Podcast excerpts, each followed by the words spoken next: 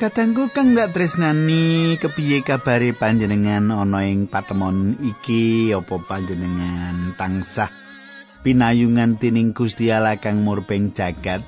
Mengkono pandung aku saka batu panjenengan tansah pinayungan tining Gusti kang murbeng jagat. Nah katangku kaya padatan aku bakal bebarengan karo panjenengan sawetara wektu iki. Aku pendeta pujianto tansah ngaturake panuwun Dene panjenengan kanthi sabar nganti-anti adicara iki minangka dedaharan kasukman kang nguatake panjenengan. Sugeng midhangetake adicara iki.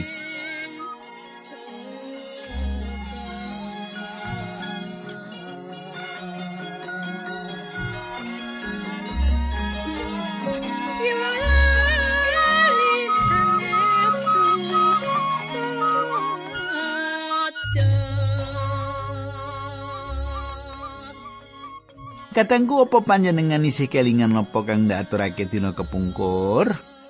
Tasih Pak apik ya. Kudu kelingan awit apa kang ndak aturake iki magepokan karo kekuatan kasukman kita. Nek sukma kita kuat, mula kita ngadepi cobaning urip kiki menter mengkono ya. Nah, tak beleni apa kang ndaturake dina kepungkur ing sajroning patemon kita kang kepungkur, kita wis nyemak kepiye yu sak jumbang kahalan lesan apa kang dikersakake Gusti Allah. Banjur perkara apa wae kang bakal dipratilake dening Yusak ing kitab iki sebanjure, kita bakal nyemak dina iki. Nanging sadurunge kita terusake monggo kita ndedonga dhisik. Duh Gusti ingkang kula sihi wonten ing asmanipun Gusti Yesus Kristus. Kawula ngaturaken gunging panuwun menawi wekdal menika kawula saged tetunggilan, kawula saged sesarengan, kawula saged mirengaken dawuh pangandikan paduka. Kawula nyuwun Gusti mitulungi Gusti berkahi kawula sami linambaran asmanipun Gusti Yesus Kristus kawula ndedonga haleluya amin.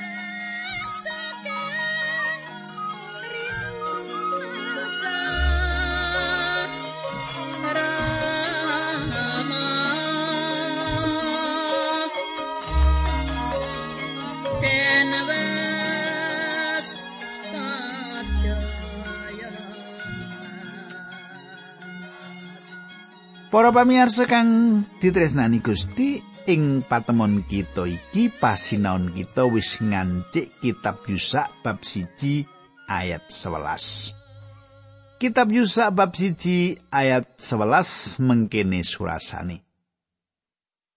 Kowe padha midro ing pakemanan wong-wong padha perintahana mengkene padha cawisna sangumu Amarga ing sajroning telung dina kowe bakal padha nyabrang ing pengawan Yarden iki lan banjur ngejeki negara kang bakal kaparingake dening Sang Yewah Gusti Allahmu marang kowe dadi darbekmu. Katangku anggone bangsa Israel andarbeni atas tanah perjanjian kuwi asipat orang nganggo syarat. Nanging babagan manggone bangsa Israel atas tanah kuwi mawa syarat. Bangsa Israel kudu ngrebut tanah kuwi. Tembung kunci kitab Yusak dudu kamenangan.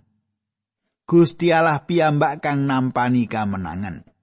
Ayat kuncine yaiku ngenggoni utawa ngejeki. Israel kudu ngejeki tanah kuwi. Sawetara wektu sebanjure nalika Israel mlebu ing tanah kuwi, peparingi roti mana mandek lan bangsa Israel mangan jagung tuwa kang ana ing negara kuwi. Bisa uga jagung kuwi anggo ning rampas saka mungsuh awit bangsa Israel durung duwe wewengan nandur. Panjenengan mesti isih kelingan bangsa Israel iki kudu nglumpukake mana saben dina. Katangku mana kuwi ora bisa disimpen. Manawa nganti disimpen luwih saka sedina mula mana mau bakal bosok. Wong-wong Israel kudu nglumpukake mana kuwi saben esuk. Ya marga saka kuwi marang kita diparingi pangandikan ing sajroning Efesus 5 ayat 18 supaya kapenuan ning roh suci kapenuan roh dudu sawijining pakaryan sepisan wae banjur rampung panjenengan ora lunga menyang pom bensin sepisan lan njaluk karyawan pom mau ngisi bensin kendaraan panjenengan. Banjur panjenengan kondo yen ora perlu ngisi bensin maneh. Mengkene iki ora bakal dumati nanging ake wong Kristen kang duwe pikiran yen wis duwe pengalaman sepisan banjur wis. Kepiye panjenengan pengalaman kapenuhan sang resuti pisan wah iso nindakake iki iko iso ngendaleni diri. Wis bar kuwi ora ngono ya. Nah, manawa panjenengan ngersake mlaku kinanti tining Gusti Allah lan urip kanggo Gusti Allah, panjenengan butuhake kapenuan Sang Roh Allah saben dina. Sabenere awit panjenengan mangan kaping telu saben dina bakal dadi sawijining pikiran kang ala menawa panjenengan ngisi kasukman panjenengan mung kaping telu dina. Kita kabeh perlu diisi Sang Roh Suci terus-terusan terus akiblat panjenengani lan suminde sawutuwe marang panjenengani. Ayat rolas. Wong trai Ruben lan wong trai Gad twin separone talar Manase tumuli padha didawi Senopati Yusa mengkini. Kadangku talar loro setengah iki ora nyabrang kali manggono ning kono. Kita nemokake pambalenane umat Israel wiwit-wiwitan Musa isih urip nalika wong tekaning pinggir kali Yordan lan loro setengah taler kuwi duwe panjalukan kaya kang tinulis ing wilangan 32 ayat 1 nganti 5. Wilangan 32 ayat 1 nganti 5 mengkene surasani. Ana dene wong Bani Ruben lan wong Bani Gad iku raja kayane akeh malah luwih dening akeh. Nalika ndeleng tanah Yaiser lan tanah Kiliat tumuli padha mawas yen panggonan kono iku becik banget kanggo ngingu raja kaya. Mulane wong Bani Gad lan wong Bani Ruben mau banjur padha suwan sarta matur marang Nabi Musa lan marang Imam Eliasar sarta marang para pemimpin umat. Nagari ing Astarot dibon Yaiser Nimra Hesibon Eleale sebam nebo saha ing Pion. Tanah ingkang sampun katulaken dening pengiran Yewah kangge umat Israel. Menika tanah ingkang prayogi kedamel ngingah raja kaya. Monggo ingkang abdi menika sami ngingah raja kaya. Sarta aturi meneh menawi kula sami yang sasih wonten ing ngarsa panjenengan tanah menika mugi kaparing no dhateng para ingkang abdi dados darpe kula kula mugi sampun ngantos sami kedawan pindah dhateng sebranging benawi Yardet. Katanggu Ayat iki mratilake sawijining jejalukan kang mligi saka loro setengah taler bangsa iku. Loro setengah taler mau njaluk tanah ing papan kang luput yaiku ing sisih sadurunge nyabrang kali Yarden utawa Bengawan Yarden. Saiki Yusa siji ayat 13 nganti 15 mengkini surasani. Kowe padha ngelingono marang dawuh piwelengi Nabi Musa abdine pangeran Yewah marang kowe yaiku pangeran Yewah Gusti Allahmu wis ngganjar katentreman marang kowe lan maringi tanah iki. Wong wadon lan anakmu kang isih cilik ing antaramu apa dene raja kayamu padha kena keri ana ing tanah peparingi Nabi Musa marang kowe ana ing sabrangi Bengawan Yarden? Nanging kowe para prawira lan kang gagah prakoso padha nyabrang ana ing ngarepe para sedulurmu kalawan sikep kegaman iku padha biyantanana. Nganti para sedulurmu iku iya padha kaparingan katentreman kaya kowe kabeh sarta yo ngenggoni negara kang bakal kaparingake dening Sang Yewah Gusti Allahmu Sawise mengkono kowe padha balio menyanging negaramu dhewe lan ngenggoni negara kang diparingake dening Nabi Musa abdine Sang Yewah ana ing sabrange pengawan Yarden ing papan plethek ing srengenge.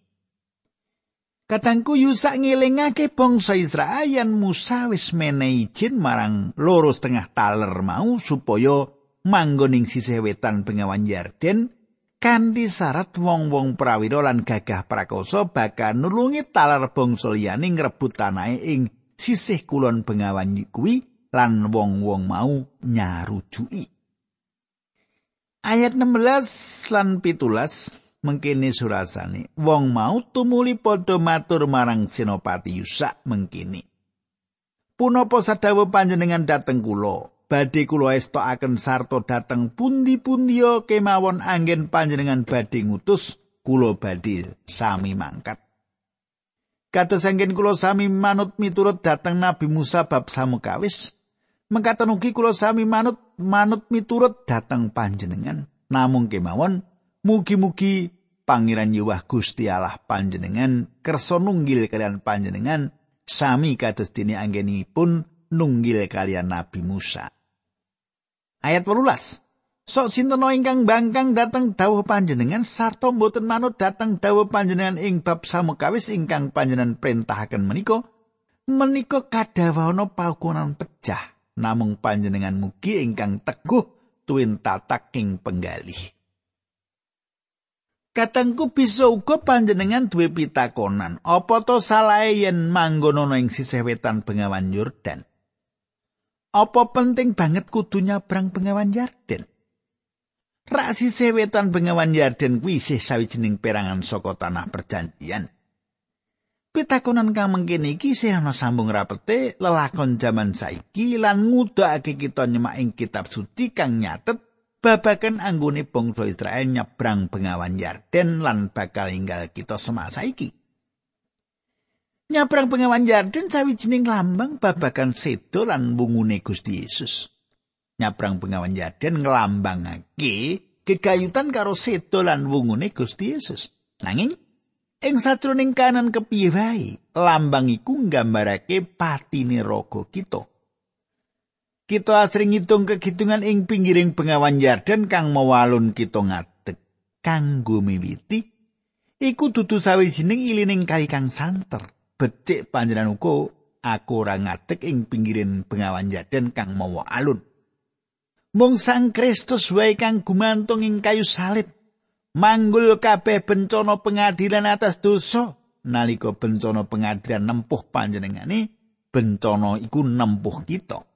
Bengawan yarden meratelake kegayutan karo anggone nyucikake lan sedane Sang Kristus kang ditindakake demi panyucene kita demi nyucikake kita demi kasucene kita katangku Ana ing sajroning kitab para hakim kita nemake loro setengah taler kuwi gawe kaluputan gedhe awit manggon ana ing sisih wetan Bengawan Yarden.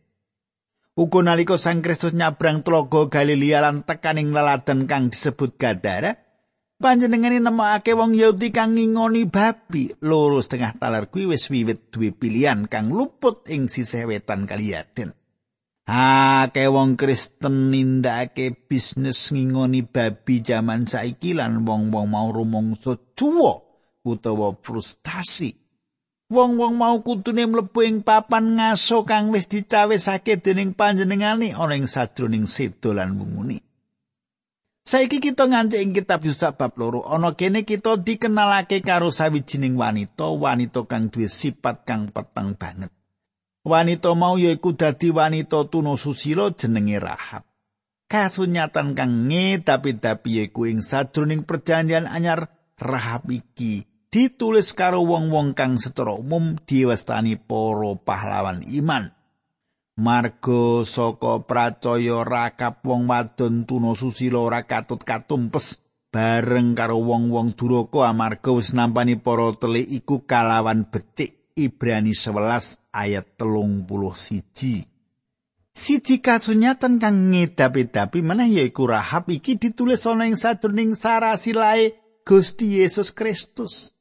Perjanjian anyar diwiwiti kanthi sarasilah iku lan nalika tekaning ayat 5 saka perjanjian anyar panjenengan bakal nemokake jenenge wong wadon iki. Kepiye dene wong wadon iki bisa mlebu ing sarasilae Sang Kristus? Rahap ana ing kono awit iman. Kaya panjenengan bisa nyemak pasal kang kita semak saiki meratelake wong wadon kang ngidapi-dapi. Saiki Yusak bab loro ayat siji.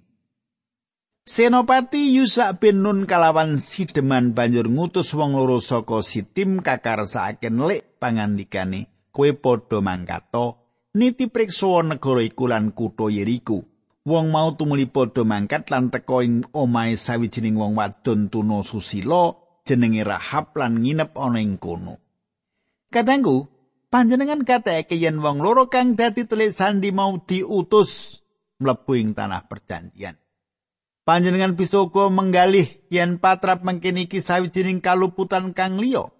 Sadurunge umat iki wis ngutus telik sandi kanggo naliti apa bangsa Israel bisa ngrebut tanah perjanjian iku. Saiki trik mau diutus.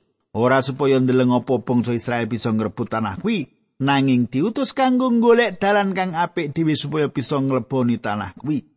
Panjenengan semak tujuane babar pisan beda. Rahab iku wong kang manggon ana ing Yeriko bukake omahe nampani telik sandi mau. Saiki ayat loro telu papat limo enam pitu. Wah akeh banget tak waca iki ya Ratu ing Yeriko tumuli kaaturan uninga mengkini kala wau dalu wonten tiang panunggalanipun bangsa Israel dateng melik negari niki. Ratu ing Yeriko banjur utusan menyang ing omahe Rahab dawe wong-wong kang padha nekani sira lan padha teka ing omahira iku padha latekno mrene. Amarga tekani arep nelik negara kene kabeh. Nanging wong wadon mau wis nggawa wong loro mau kang banjur didelikake ature pancen wonten tiang jaler ndatengi kula. Nanging kula mboten mangertos saking pundi pinangkanipun. Lan sarang wancinipun gapuranipun badhe kakancing so sampun peteng tiang-tiang pau sami kesah. Kula mboten semerep bateng pundi purukipun kula aturi ngoyak mesti badhe katututan. Nanging satemene wong mau padha dikon munggah ing payon lan diumpetake ing sangisore tumbukan rami kang dideke ing payon kono. Para utusan banjur ngoyok wong mau ana ing dalan kang anjok ing pengaman Yarden nganti tumeka ing pasabrangan lan sawuse wong kang ngoyak padha metu gapurane nuli kakancing. Kadangku Rahab goroh marang ratune supaya bisa ngayomi para telik sandi iki. Apa kang ditindakake Rahab iki sejatine mbebayani kanggo awake dhewe? Kang dadi pitakonan yaiku kenapa dhewe gelem nanggung risiko kang kaya mengkene? Sabenere Rahab ora perlu nindakake kang kaya mengkono kuwi nanging kenapa Rahab nggoroi bangsane lan ngayomi mungsuhe. Sadurunge kita nyemak jawaban atas pitakonan iku, aku bakal ngaturake sawijining pitakonan. Apa bisa ngapura apa kang ditindakake Rahab? Kita suci cetha banget mulangake ing kasunyatan yen kita minangka putrane Allah. Kudu bangun turut marang kang duwe kalungguhan lan wong-wong kang duwe kuwasa atas kita. Rahab wis mesti wae ora nindakake perkara iku. Aku pikir kita ora bisa mestani dhewe iku putrane Allah nganti sawetara wektu suwene sawisi pengalaman kuwi. Iku bakal dadi sawijining keterangan nanging ana keterangan liya kang ndak anggap ana tegese kanggo kita jaman saiki. Katanggu, wong kang percaya wis mesti wae kudu bangun turut marang wong kang nyekel panguwasa lan wong-wong kang merintah lan duwe kalungguhan sak kita, ya toh? Wong Kristen kutune dadi warga negara kang bangun turut dhewe marang angger-angger ing negarane.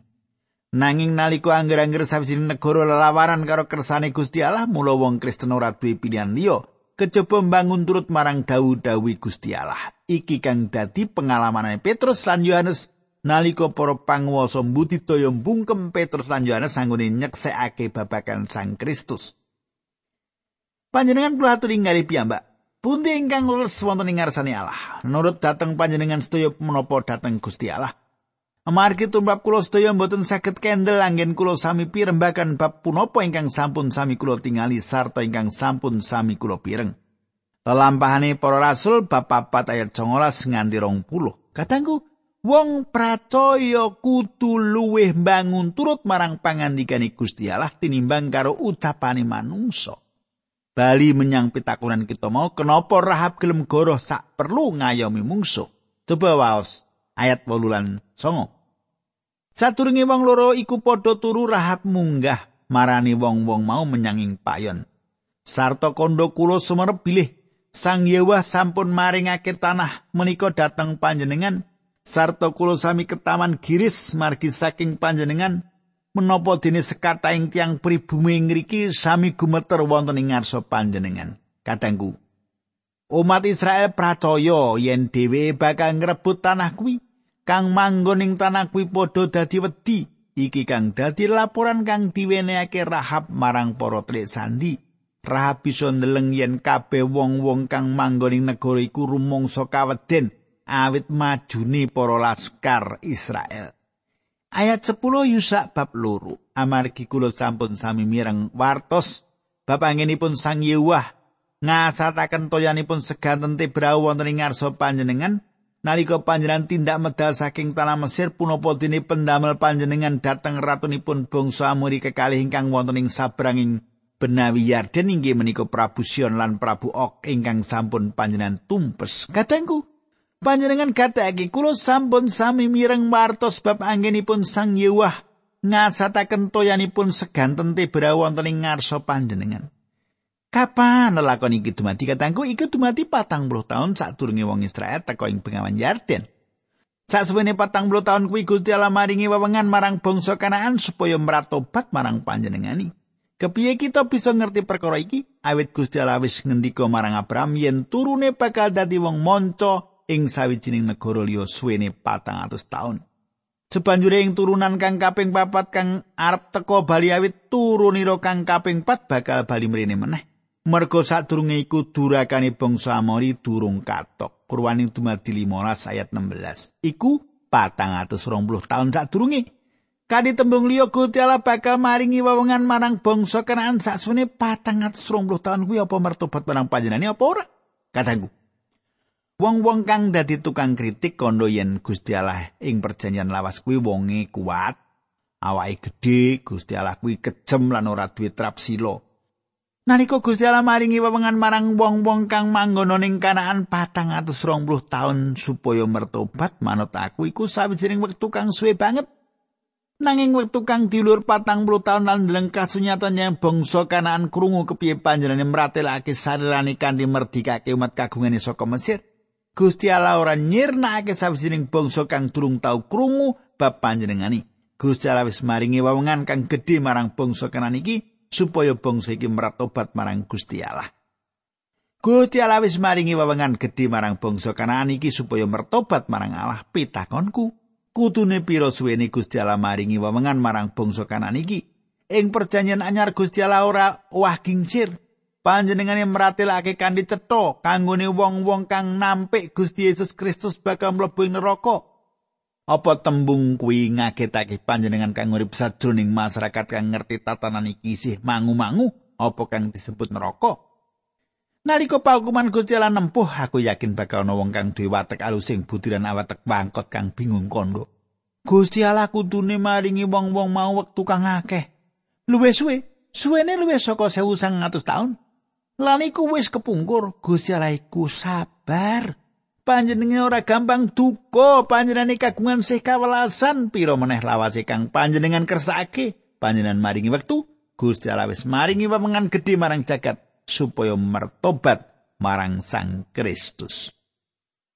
Kadangku sadurunge tak pungkasi karo pandungo aku ngaturake panuwun marang panjenengan kang wis nglayangi aku ya Ibu prihatin. Wah, nek moto layangi ibu prihatin iku tenan kok seneng critake. Nah, aku yo nderek bela sungkawa marang Bapak Sukir sing wis kapundhut dening pangeran ya. Kita kudu siap pancen lagi antri supaya kita uga mengko kapundhut kaya Pak Sukir suwana nang ngarsane Gusti Allah ing kasuwargan. Sok ketemu karo aku. Nah katangku, kita ndedonga bebarengan.